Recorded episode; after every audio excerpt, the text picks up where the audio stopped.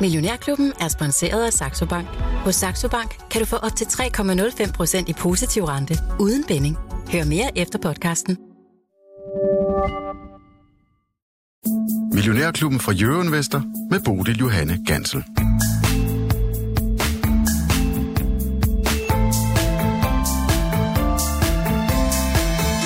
Velkommen til 55 minutters finansdebat på en tirsdag, hvor vi for alvor får gang i de globale aktiemarkeder igen. USA, Storbritannien og Japans børser, de vågner nemlig op til død efter en god lang juleferie her øh, senere på dagen. I hvert fald USA øh, vågner først op i eftermiddag. Vi får se, om øh, den gode stemning herhjemme, den kan stå mål for det. Lars Persson, øh, du har fingeren på pulsen, inden vi lige øh, når at kigge på den puls, så skal jeg også lige sige, at vi ringer til Niklas Fagby fra Fagby Capital i dag.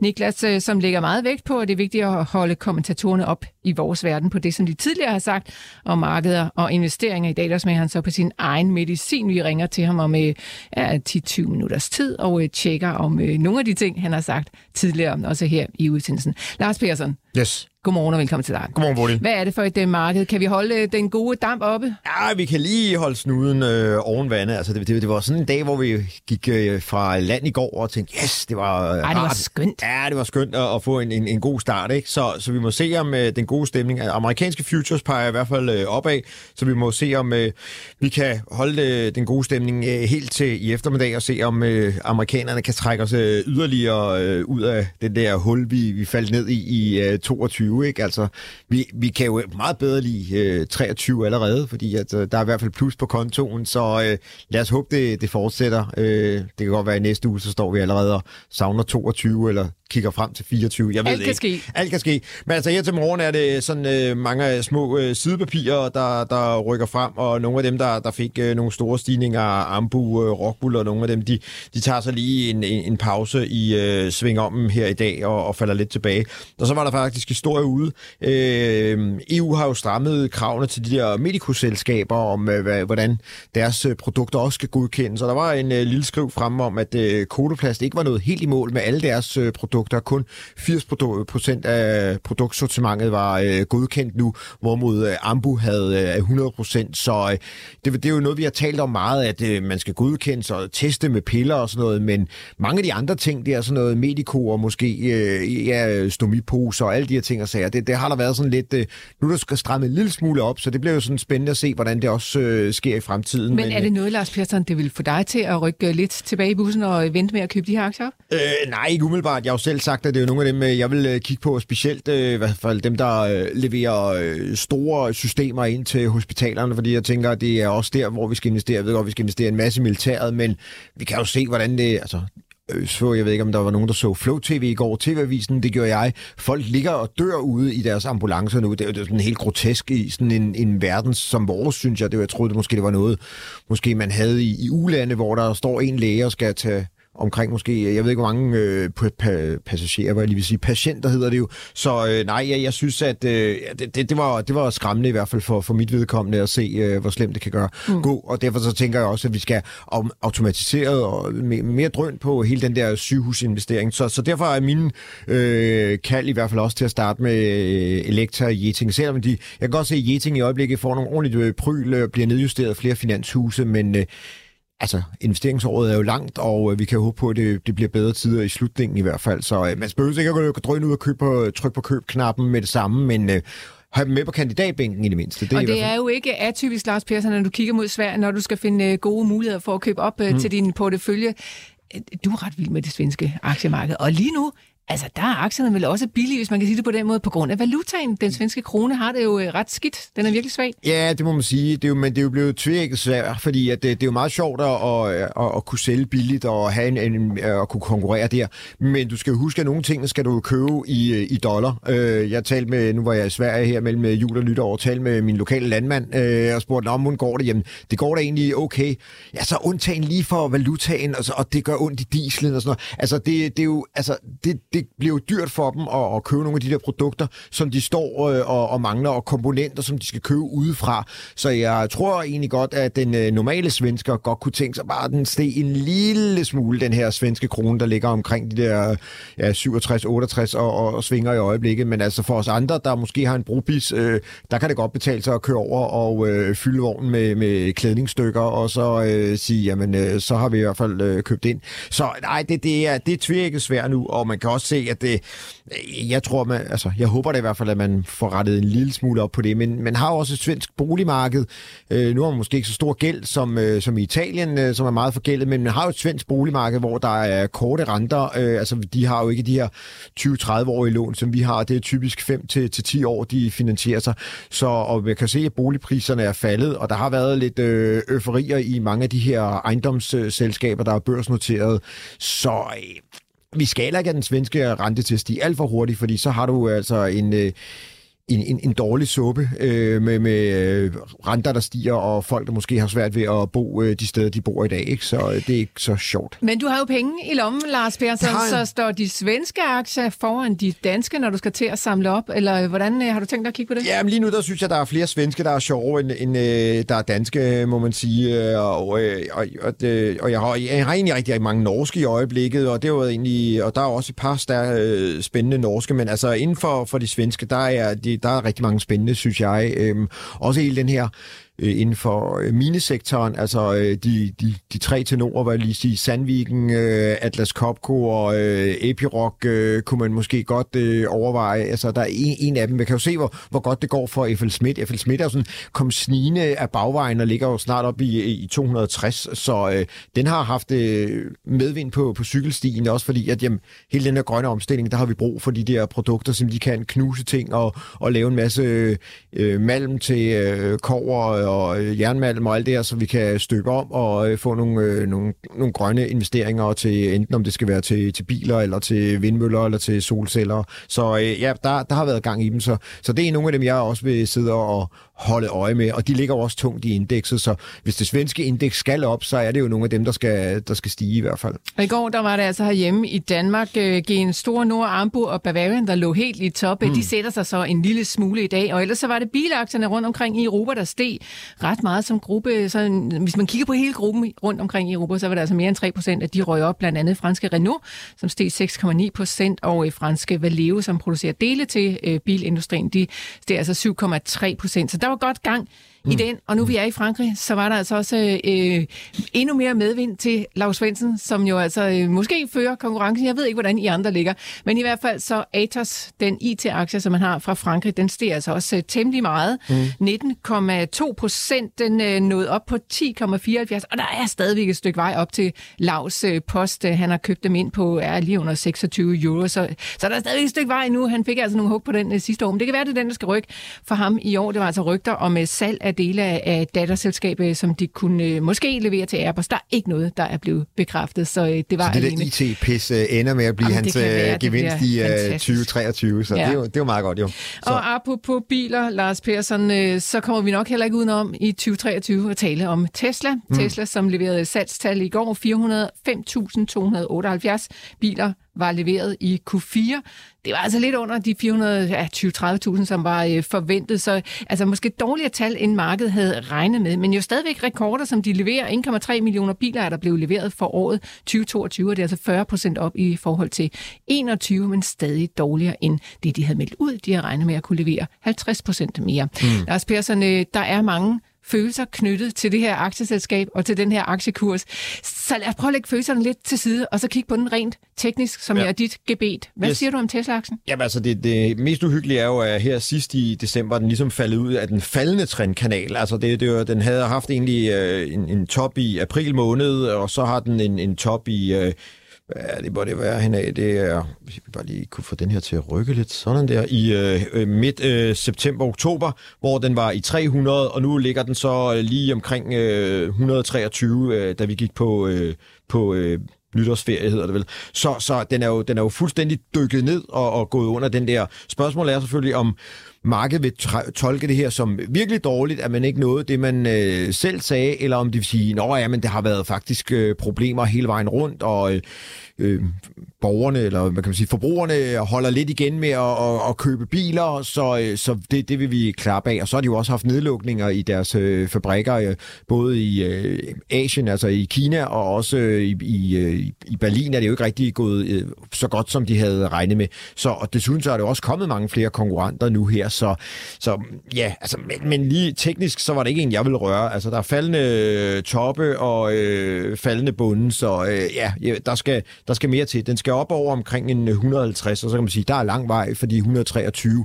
Men nogle gange skal vi jo ligesom have lidt øh, tekniske signaler, før at det, det rigtig øh, er medvind på cykelstiene, og man kan købe de, eller give nogle købsignaler. Så der, der er øh, salgssignal stadigvæk, så den vil jeg i hvert fald ikke røre øh, overhovedet. Hvis den kommer op over 150, Lars Persson, kunne du så begynde at blive interesseret? Nej, altså det, jeg tror, at der, der vil jeg vælge nogle andre. Jeg har, jeg, jeg har det jo lidt med deres ledere, deres administrerende direktør, synes jeg er, er lidt mærkelig, og sådan et løsgående missil for at bruge sådan en gammel dansk øh, slageudtryk, Og så, hvad hedder det nu, øh, så er der kommet mange andre konkurrenter, som øh, jeg tænker er øh, meget interessant øh, at, at kigge på. Det kunne både være NIO, men også det der Byte, øh, BYD for, for øh, Kina, som, som øh, kommer ind på det danske marked. Og så er der vel egentlig også... Øh, hvis man skal kigge her i Norden, så har du Volvo Cars, der blev noteret, og det, jeg kiggede lige på deres graf, det er ikke en, jeg har hængt mig særlig meget i, men den har jo også øh, virkelig performet dårligt, men, men der er ligesom en bund i oktober måned, der var i 45, og, øh, og vi var også omkring en 45 her i øh, december måned, så ligesom om, at der er ved at etablere sig en, en, en dobbeltbund, måske lidt skæv, men, men det ser da sjovere ud, end, end det, jeg ser i, i Tesla, hvor at det nærmest bare går endnu dybere øh, ned i havet, medmindre den retter sig her de her næste par dage. Ikke? Så mm. nej, det, det, jeg vil, øh, skulle jeg vælge noget, så, øh, så vil jeg vælge Volvo Cars, og så, øh, men, men, men jeg er ikke så meget til de der biler. Jeg har lidt ligesom det er det, det fly, øh, ligesom det, øh, når, når vi har flyselskaberne. Altså, det, det er jo ikke rigtig bilproducenterne, der tjener de store penge, synes jeg, på, på bilerne. Det er jo mere dem, der leverer komponenterne, der egentlig har øh, overkrøderen. Hvorimod, at øh, her, der konkurrerer vi om at få, få solgt øh, skidtet. Og hvis øh, naboen sender øh, prisen ned med 100 kroner, så sætter jeg også prisen ned med 100 kroner. Og så din indtjeningsbidrag, øh, det det forsvinder lynhurtigt, synes jeg, medmindre du øh, får en eller anden serviceaftale proppet ned i halsen på den kære kunde. Det er godt at have overkryderen, medmindre det det. I tager den af, som I ofte siger her i programmet. Tesla kommer i hvert fald med regnskab 25. Øh, januar, og så meldte de også ud i går, at øh, de kommer til at livestreame deres investordag direkte fra Gigafabrikken i Texas. Det er altså den øh, første i tredje, så der kan man altså tjekke ind og se, uh, Monique Elon Musk kan træde op der. Det her det er Millionærklubben for Jørgenvester. Jeg har Lars Persson i studiet om lidt, så skal vi tale med Niklas Fagerby for Fagerby Kapital. Og du kan blande dig i debatten. Hvis du har spørgsmål eller kommentarer, så er du velkommen til at skrive ind til mig på 42 42 03 21. Husk at starte din besked med Mio, og så smid den altså sted på sms'en 42 42 03 21.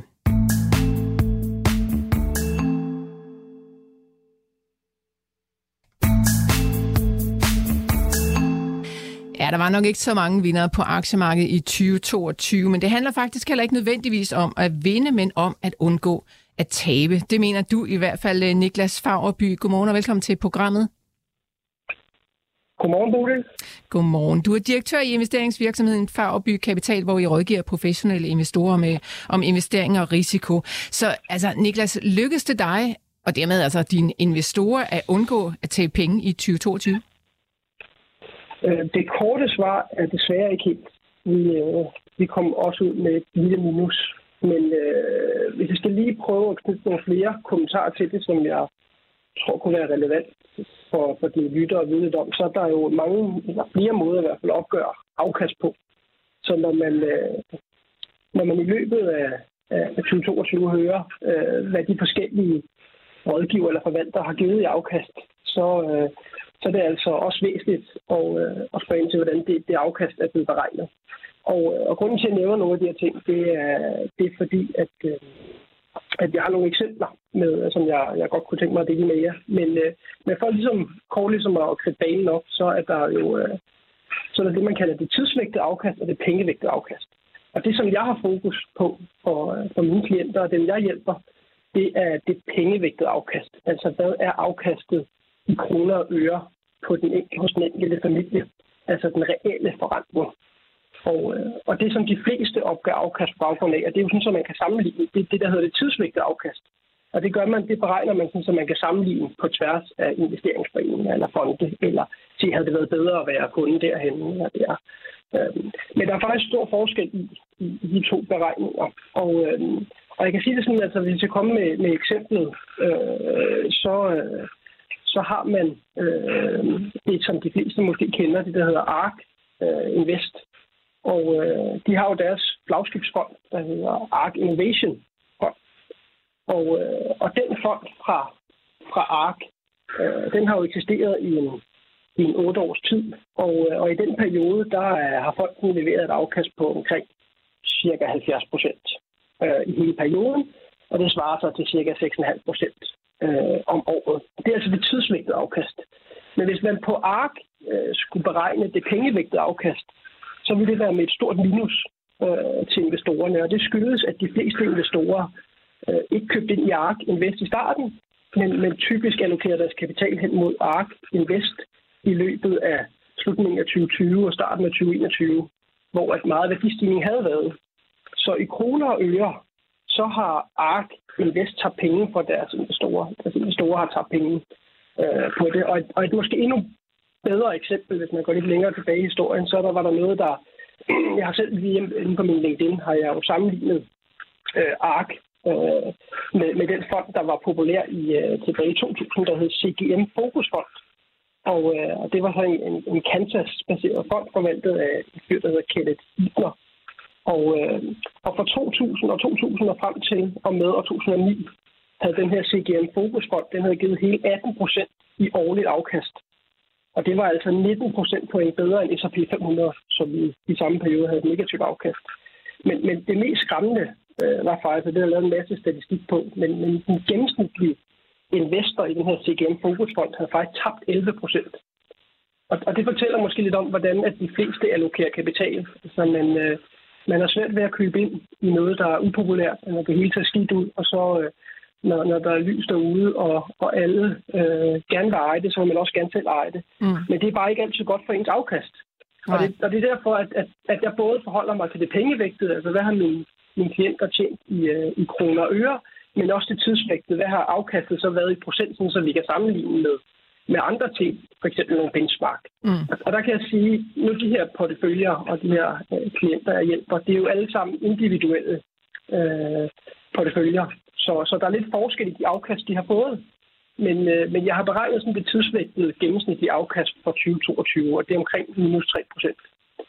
Okay. Så, så når man ligesom når man ser det i sådan en, øh, ja, en sammenhæng eller sammenligning til andre ting, jamen så, øh, så synes jeg, det er for det første meget utilfredsstillende, absolut, for jeg kan ikke leve af at tage penge, jeg lever af at tjene penge. Så, så jeg er selvfølgelig ikke tilfreds med, med det her lille minus. Men når man så ser på det relativt til, øh, hvis man havde aktier eller obligationer eller 50 procent i hver, eller man havde nogle andre øh, aktiver, så, så, så er det jo egentlig okay øh, relativt til, til meget andet. Ja, og det er jo altså en del af gamet, Niklas. Det ved vi godt. Det kører op, og det kører ned i øh, aktiemarkedet.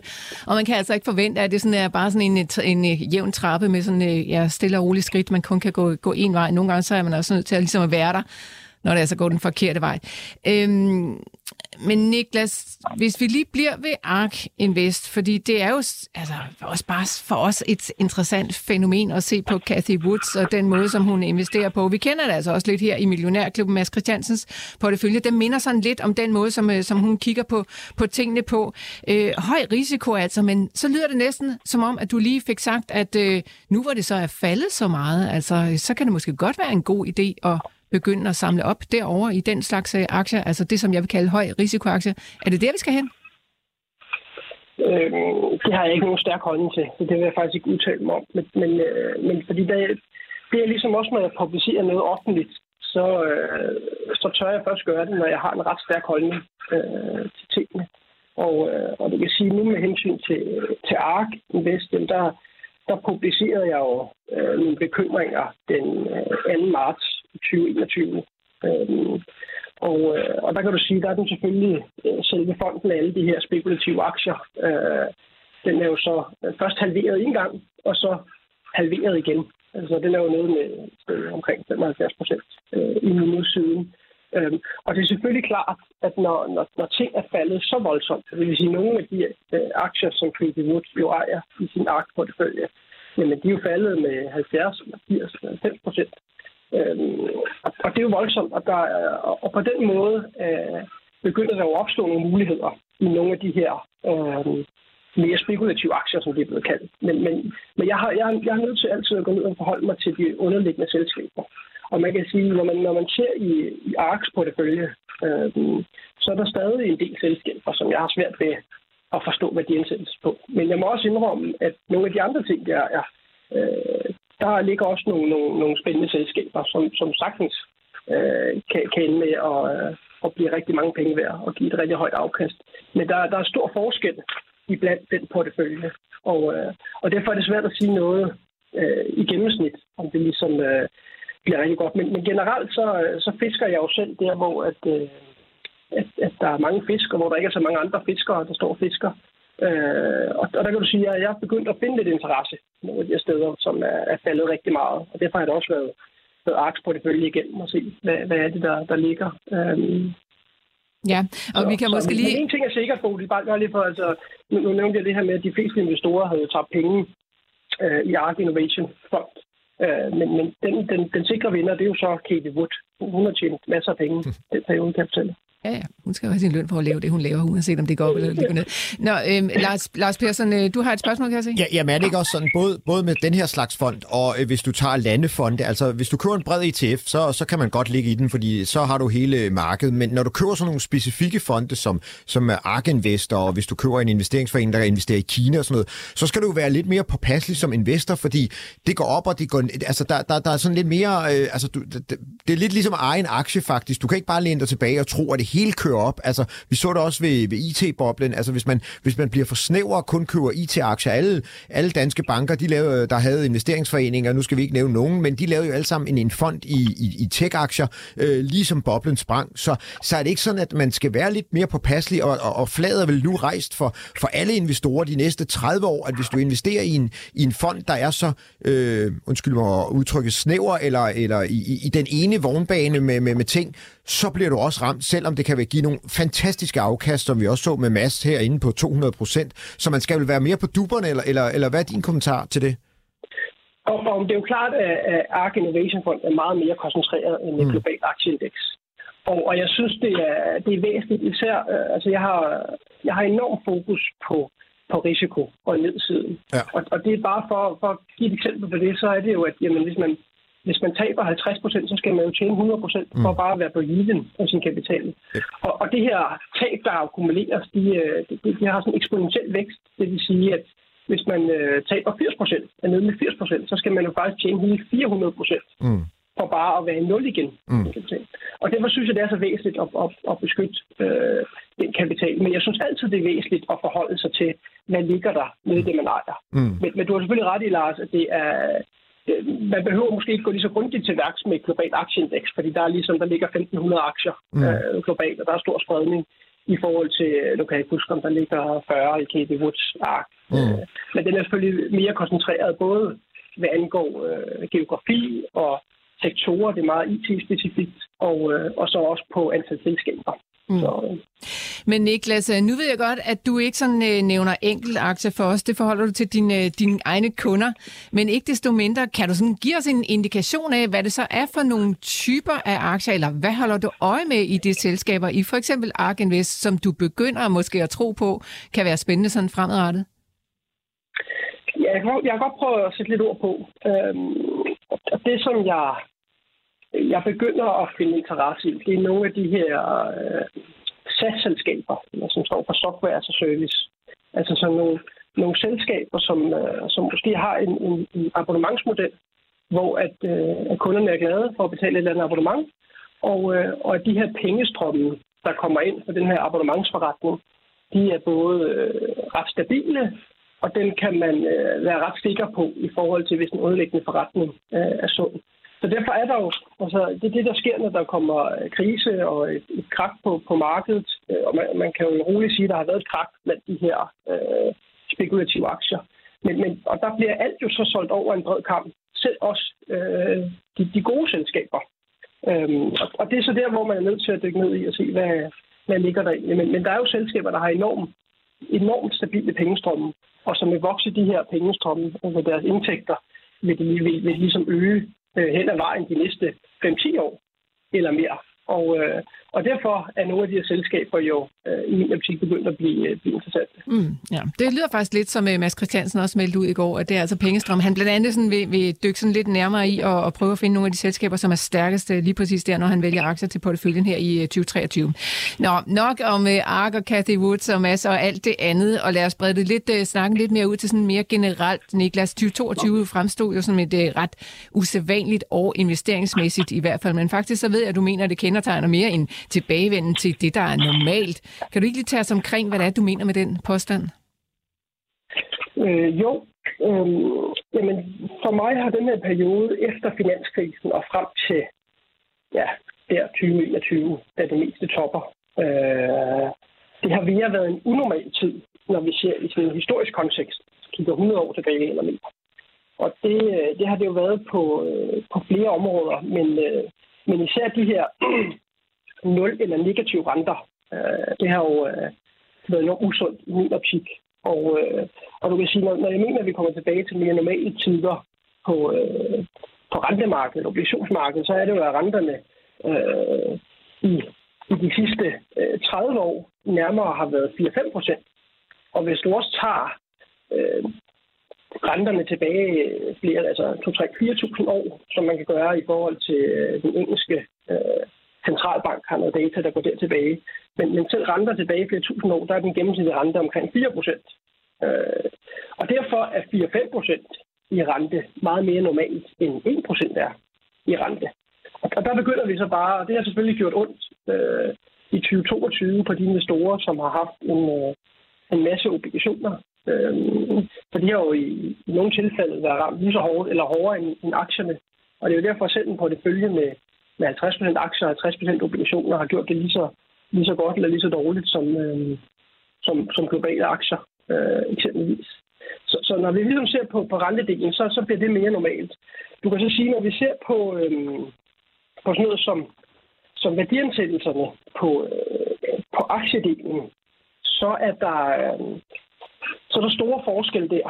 Øh, og, øh, og hvis vi ser på det, det brede amerikanske marked, øh, så kan man jo øh, måle på flere måder, om det er dyrt eller billigt prissat. Og, øh, og min, min holdning til, at det er dyrt prissat, øh, er naturligvis ikke lige så stærk, som den var øh, første gang, jeg var med i det program, den der i, i 2021.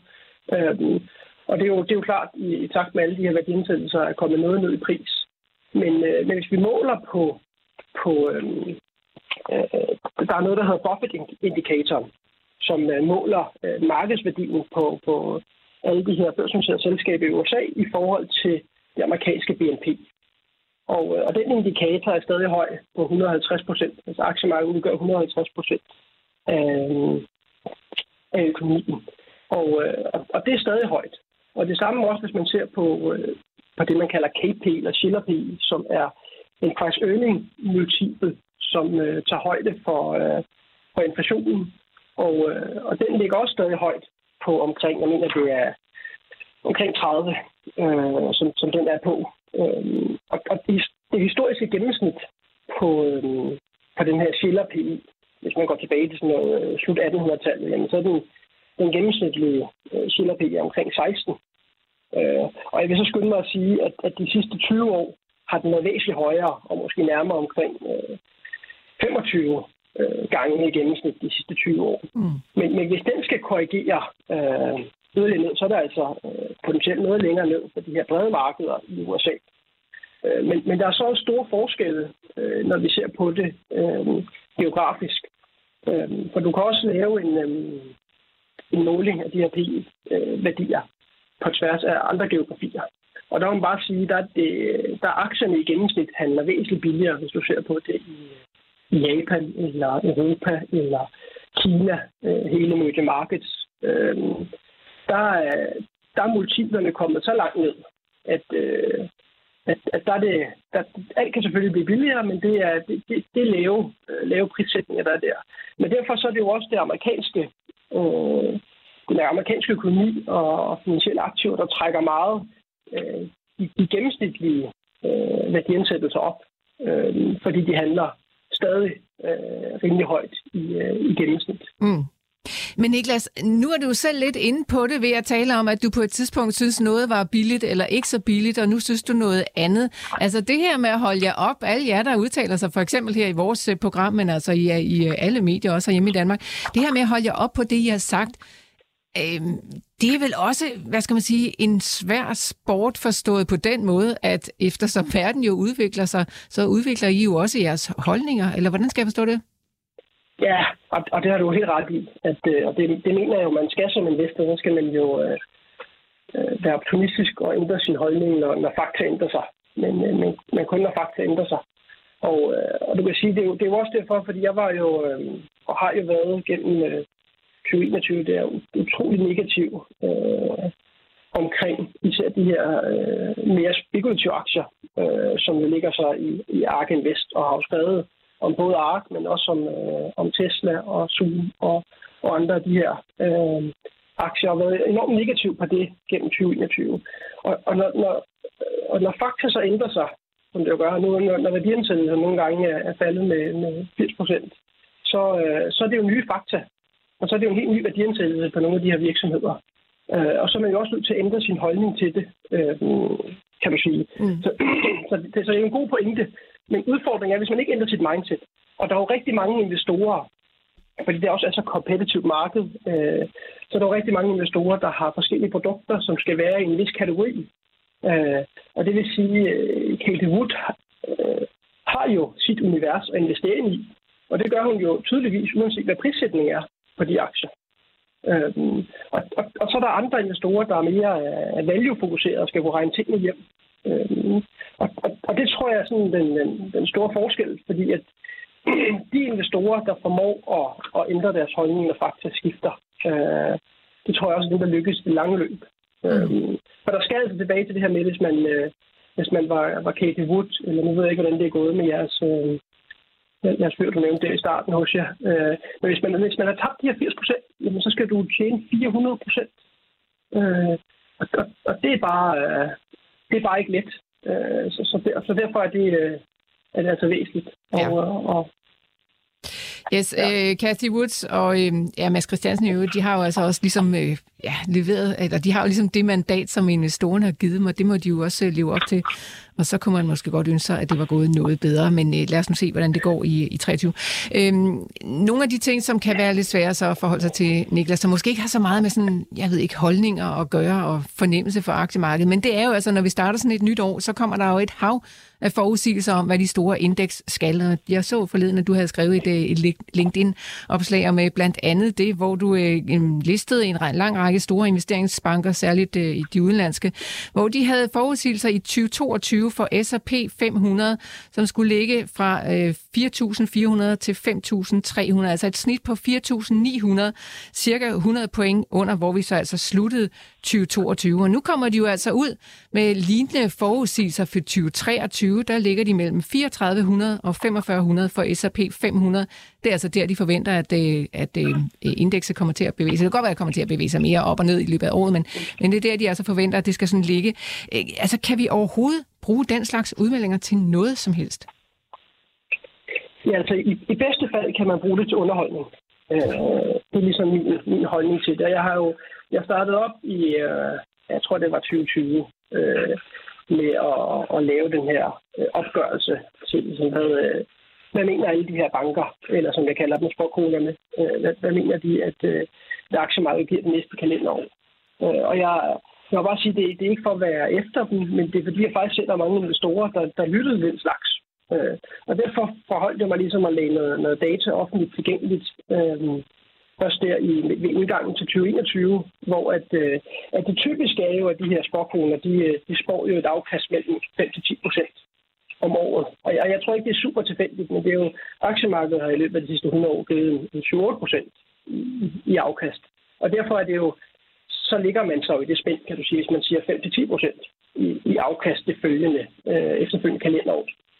Og, øh, og når de så øh, gætter på det her mellem 5-10 procent, så, øh, så deres sandsynlighed eller odds for at ramme rigtigt faktisk ikke særlig gode, fordi det er kun i cirka gennemsnit 1 ud af 10 år, at man faktisk har et, et, et kalenderårsafkast, der ligger mellem øh, 5 og 10 procent. Så, så typisk går det meget dårligere, øh, som i, øh, i 2022, eller meget bedre, som i 2021, og ryger altså ud for det der interval. Øh, så jeg tror også, der er nogen, der, der, der er nogle af de her øh, sportgrupper, der måske så øh, jo også vil, rent statistisk set vil de jo forbedre øh, odds ved at, at lægge deres interval på at sige, at maksimal kommer til at stige med over 10 procent, eller kommer til at falde med mere end 10 procent. Mm. Og alene det her med, hvis man læser et interval på, på, øh, på mellem 10 til 20 procent i stedet for 5 til 10 procent, så vil man faktisk fordoble sin odds. Altså, det, det, det er typisk af aktiemarkedet. Øh, eller i, i to ud af 10 år ligger øh, eller aktiemarkedet mellem 10 til 20 procent.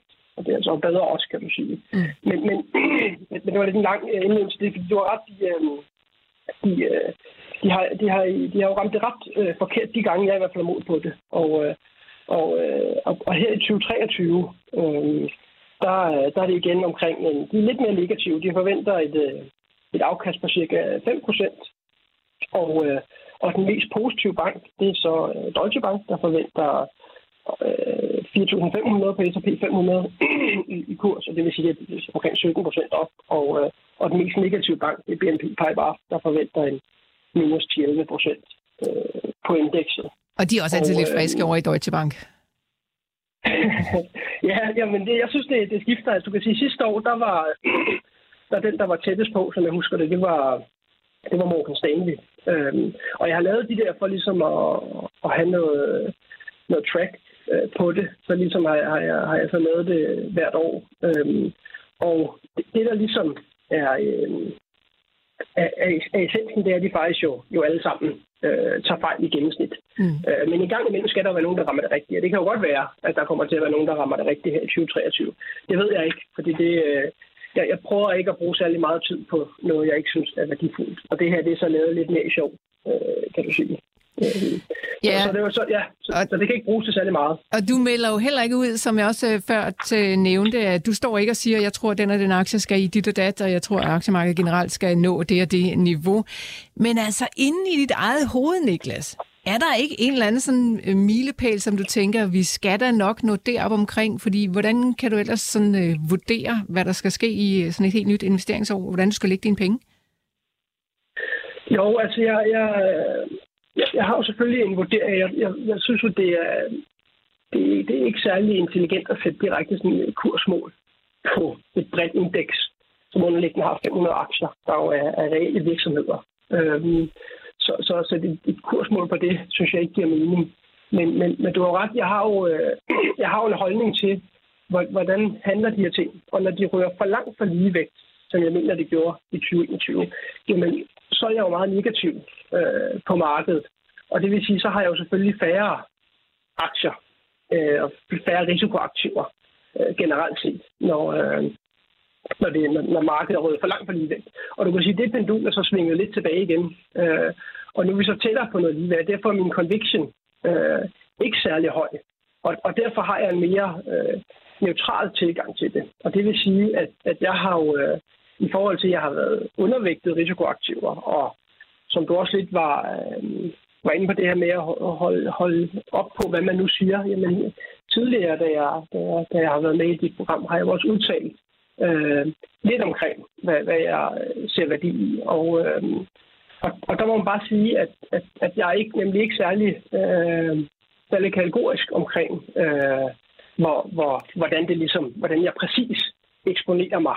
Øh, men, men de her, øh, min holdning generelt, kan du sige, hvis vi, hvis vi skal, skal hoppe til det, så øh, er den egentlig, at, at, at jeg tror godt i 2023, at det kan blive et volatilt år. Det kan jeg jo se, det er det, der er mange, der mener. Øhm, og, øh, og på den måde, så ser jeg jo en sandsynlighed for, at det kan godt være, at, at, at bunden blev ramt der i for det 12. oktober, eller i hvert fald en, en gang i oktober 2022, og at herfra så, øh, så går det opad. Men jeg ser også en sandsynlighed for, at, øh, at bunden ikke øh, er nået, og vi skal længere ned. Og derfor kører jeg ikke fuldt smæk på risiko. Og jeg har stadig øh, nogle af mine klienters penge placeret i, øh, i, i, i aktiver, som, øh, som giver noget beskyttelse i nogle af de andre scenarier. Så, altså, jeg arbejder jo med sådan en sandsynlighed på tværs af alle de scenarier, der kan ske. Jeg mener, at man, man, man kan ende med at fejle big time som, øh, som investor, hvis man kun eksponerer sig til et eller to scenarier.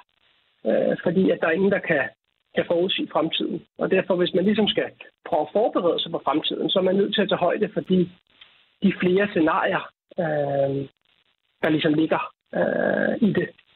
Så, så, så summa summarum, jeg var jo ja, ved Skorf der i, 2021 og havde undervægt af risikoaktiver og, og varighed, altså havde ikke særlig mange som jeg tror også, jeg nævnte i det program, det her med, at jeg synes, det her med de lange statsobligationer, det var ligesom noget af det værste, øh, jo længere jo værre. Og det er jo, men, men der har min holdning jo så også ændret sig for nogle af de her øh, både øh, lange statsobligationer, men også realkreditobligationer.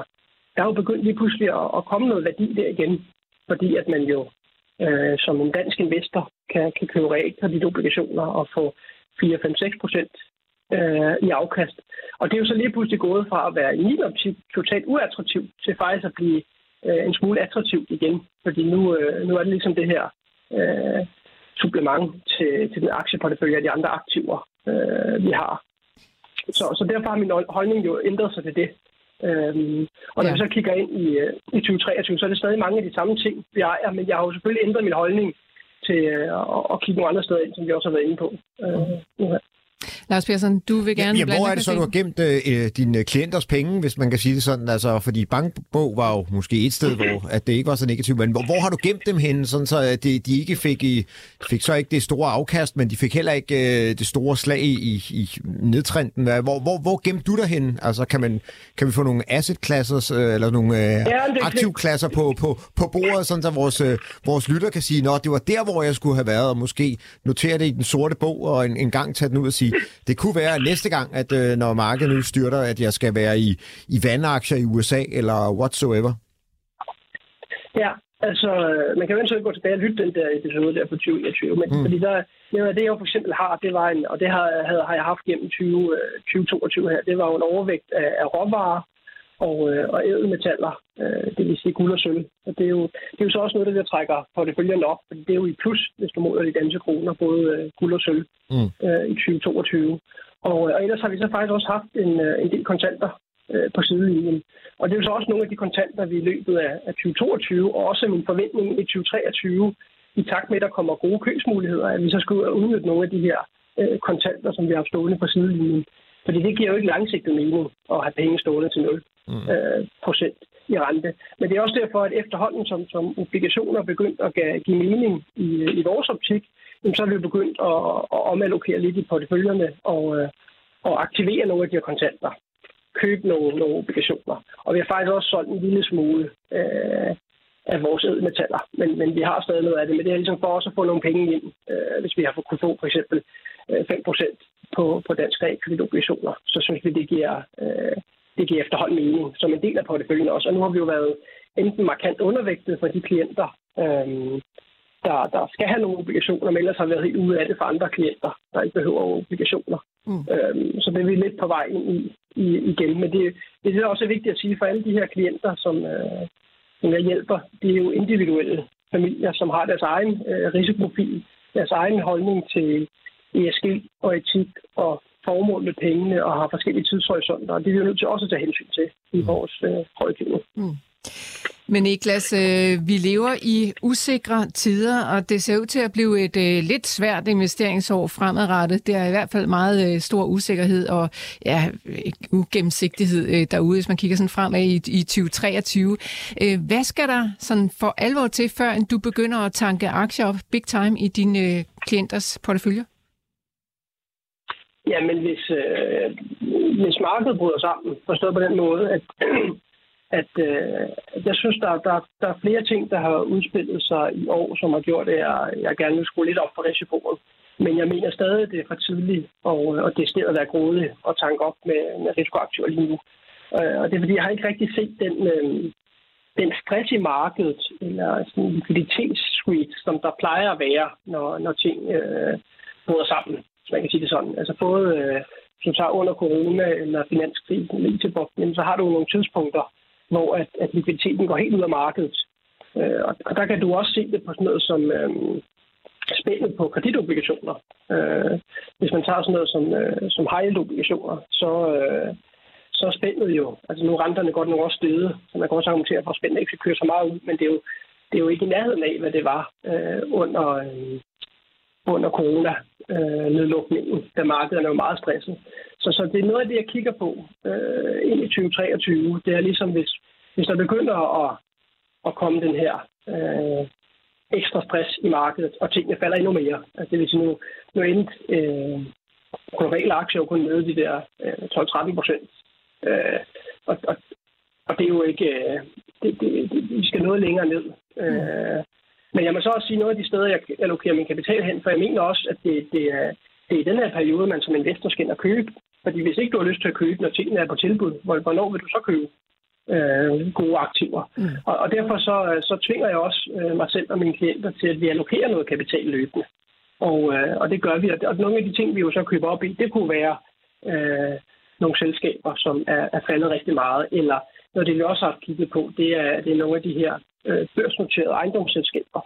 Og, og, og bare for at give et eksempel på det, så, øh, så snakker alle jo også om, og, og tænker meget om, hvad, hvad med ejendomsmarkedet, hvad gør det her i Danmark og i Europa og verden i det hele taget øh, med de her højere renter. Og du kan sige, i det, i, det, øh, i ejendomsmarkedet her i Danmark, hvis man ser på mange af de ejendomsfonde, som vi har fået tilbudt investering i løbende, så, øh, så er priserne jo ikke rigtig justeret ned endnu. Øh, men, men hvis man ser på, på børsmarkedet, hvor man får smæk for skillingerne med det samme, øh, springer lige sådan, øh, der har du øh, der er der mange af de her øh, børsnoterede ejendomsselskaber, der er faldet med 50, 60, 70 procent. Øh, og, og det er jo voldsomt, fordi det er jo selskaber, der så øh, agerer cirka halvdelen, altså de har cirka 50 procent egenkapital og så 50 procent lån, og øh, har en stor bred portefølje af en række ejendomme i f.eks. Tyskland.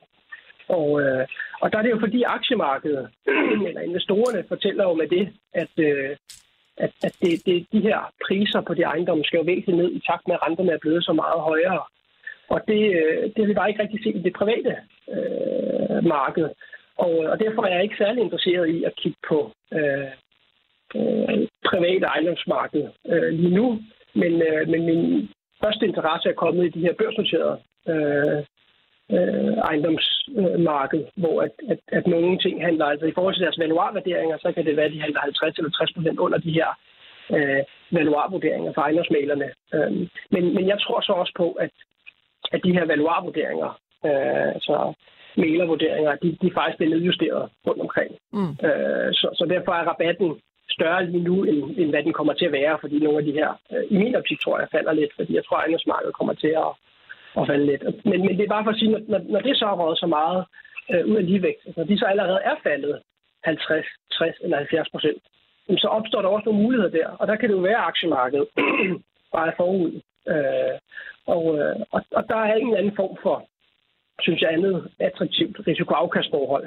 Øh, fordi at man stadig øh, får faktisk et pænt øh, løbende afkast. Og det er også ret forudsigeligt og ret stabilt på, øh, på de her, hvis man har 500.000 lejere. Øh, så, ja. så det er ikke alle, der, der, der er nødt til at gå på til hjemme. Hvor der er risiko, er der også altid øh, muligheder. Niklas, øh, vi skal til at slippe dig, men lige her til allersidst, så jeg også har noget at holde op på øh, til næste år, når vi skal tale sammen igen. Øh, aktiemarkedet, lad os tage S&P 500, de amerikanske, de amerikanske store aktieindeks. Ligger vi højere eller lavere, når vi når her til øh, 3. januar i 2024? det har du helt sikkert mange andre deltagere i de program, der gerne vil svare på. Men så der er jeg den kedelige. Det, det, det, det udtaler mig ikke om. Det ved jeg ikke noget om. Og så således er der ikke noget at holde dig op på til næste år, men øh, det kan være, vi kan finde på en anden at snakke om. Tusind tak, fordi du var med her i dag, i hvert fald Niklas. Selv tak, og godt, godt nytår til jer. I lige måde, så vidt. Altså Niklas Fagerby, der er direktør for Fagerby øh, Kapital, øh, der rådgiver professionelle investorer og hjælper dem med at finde ud af, hvordan de skal forvalte deres penge. Lars Persson tilbage mm. her til studiet. Ja. Der er kommet et, øh, et øh, spørgsmål ind fra en af vores lyttere om en aktie, som du tidligere har talt om til sydenladende. Jeg, jeg kan ikke huske den, må jeg alene om, men det er i hvert fald Martin fra Frederiksberg, som siger, at du tidligere har talt om øh, Bygfakta. Det er mm. en svensk aktie, navnet, det fulde navn er Bygfakta Group Holding mm. CO AB. Hold da op. Lang navn. Øh, og du har kigget på den før. Det ser ud til, at bunden nu er nået, skriver Martin. Kan Lars give øh, sit bud på aktien, om trenden stadigvæk er opadgående? Ydermere om øh, den øh, svenske krone, den har han altså også med i betragtningen, og måske de kunne give en, øh, en upside. Hvad siger du til Bygfakta? Jamen, de leverer øh, database eller sådan noget... Øh computerudstyr til at, at arbejde inden for, for byggesektoren, øh, al, alle mulige ting og sager der. Øh, og det er rigtig nok, at aktien blev børsintroduceret i 21, været faldende og fundet en bund øh, under kurs øh, ja, ved 25 og nu øh, en stigende tendens. Men det ser ud som om, at den, den stopper lidt op, fordi vi, vi taler jo lidt om, hvad, hvad skal der ske med byggesektoren øh, generelt, og, og med stigende rente, så, øh, så er der måske en, en lille opbremsning på vej. Kigger man nu måske mere på den har jeg så selv hjemme i mine skuffer, øh, både øh, Per Aarsløv og Monberg Thorsen, så har de store ordrebeholdninger. Kigger man på Skanska, så har de også faktisk fået mange ordre. Så det er sådan lidt, øh, nu ender jeg ved at være lidt ligesom med Niklas, så sådan lidt kom sig, kom sar, det hader jeg egentlig, men... men, men, men Vi vil have vækst på bordet, Lars. det er det, jeg ved det, men, men jeg, vil nok ikke, jeg vil nok ikke samle den op. Øh, har vores øh, venten i sin øh, portefølje, og måske, øh, så vil jeg nok øh,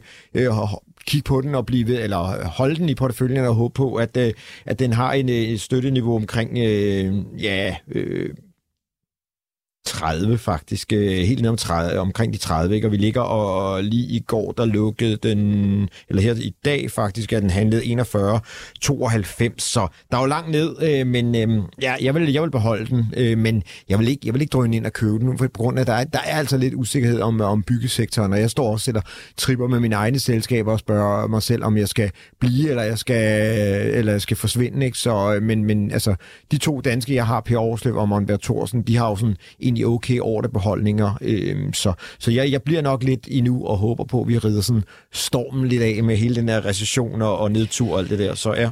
Der var en gang, vi sagde tro, håb og pengepolitik. Den er der ikke så meget mere. Den Nej. sidste i hvert fald, Lars Persson. Nå, øh, men nu vi er i den boldgade, så mm. David Fabricius, han kunne godt tænke sig, at vi kiggede på huskompaniet. Han synes, ja. den er ved at være billig, ja. og den er til hans øh, pensionsordning, siger han. Øh, ja, dermed ja. tænker jeg, der ligger i, at den kan godt den ligge kan godt i, ligge i noget tid. Ja, ja, ja. Jamen altså, øh, både Lav og vores øh, ven Lønstrup ude for øh, Roskilde har jo været Lønstrup, virkelig... Ja. Lønstrup, undskyld, jeg har været virkelig fan af den, men den har jo fået ordentligt godt i nøden, og så var det jo, de købte en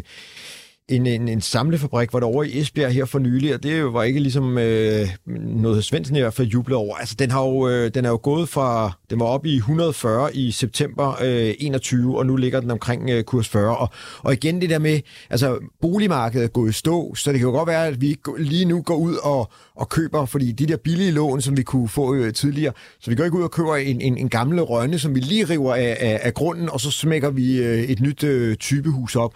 Så Ah, det, det kan godt være, at vi skal købe den hernede, øh, fordi at den, den bliver ikke billigere, men, men øh, jeg tror, at den har en PI på en øh, 3-4 stykker. Men det er også bare fremtidsudsigterne. Jeg synes ikke, det er sådan, øh, hvor jeg tænker, wow, øh, det er lige det første, vi, vi, vi gør her det næste stykke tid, drøner ud og, og, og river gamle hytter af dem, der ligger ude i øh, Valby eller ude på Amager, hvor der ligger masser af sommerhuse, der har jo bare fået et, et, et, lidt, lidt mursten rundt omkring. Altså, så jeg, tænker, jeg tænker, der kommer til at, at være en afmatning der, og, og det har de jo også selv sagt. Jeg tror faktisk endda, at de skulle øh, fyre nogle mennesker. Jeg, har ikke, jeg, jeg følger den ikke selv så meget, men, men altså rent teknisk siger den, du skal blive væk, og den skal op over en kurs øh, 45, før de får, kommer de første købsignaler. Og så er der jo lang vej, så altså, om han ikke kommer ind her ved de 42, men kører først kommer vi en 45, øh, 46, øh, og vi så får måske lidt medvind i stedet for de her stigende renter, det, så, så, øh, ja, så kan det da godt være. Så ja, igen vil jeg, jeg ved godt, der er mange på den der kandidat, men, men den skal jo også være stor, så når købsignalerne kommer, så, øh, så skal man være klar til at stå med og smide penge efter dem. Så, men, men jeg vil vente. Jeg vil ikke købe dem. Persson, altså det var to aktier, hvor du sådan lidt, ja, ja kom sig, kom så. Er yes. der nogen steder, er der nogen aktier lige Jamen, nu, hvor du sådan fuldstændig... jeg har lige stået og handlet, mens du Ej, har snakket fortæl, med... fortæl, Jamen, jeg har købt uh, Sins igen, fordi den er oppe og, og, og, og teste 42 for tredje gang, og så tænker jeg, tredje gang bliver øh, lykkens gang, så nu skal, nu skal den købes igen. Det er så. en aktie, du har haft i porteføljen tidligere. Det er det, ja. Og øh, Svendsen spurgte jo, om det blev en, en dromedar eller en kamel, mente med den måde, at den tog jo en ordentlig optur sammen med alle de andre tech-aktier, øh, Øhm, og, øh, og sluttede i øh, august-september måned i øh, 200, og øh, i øh, august-september sidste år, sidste år øh, 22, der var den under kurs øh, 20, og nu har jeg altså købt den til 42, øh, så øh, 05, så øh, ja, nu må vi så se, hvor øh, den bærer hen af. Jeg var lidt tidligere ude. I sidste år allerede købte jeg Skib, øh, Skibsted, som, og Skibsted, som også er en, øh, er en tech-aktie plus nogle gamle aviser. Ah, Jamen, så, der er så det... altså ting, der kan få dit blod til at koge, Lars Persson. Sinch, S-I-N-C-H, aktiebolag, ja. Øh, som handles i Stockholm. Det blev det sidste ord her fra Lars Persson. Tak fordi du var med mig i studiet. Tak fordi I lyttede med derude. Vi er tilbage igen i morgen.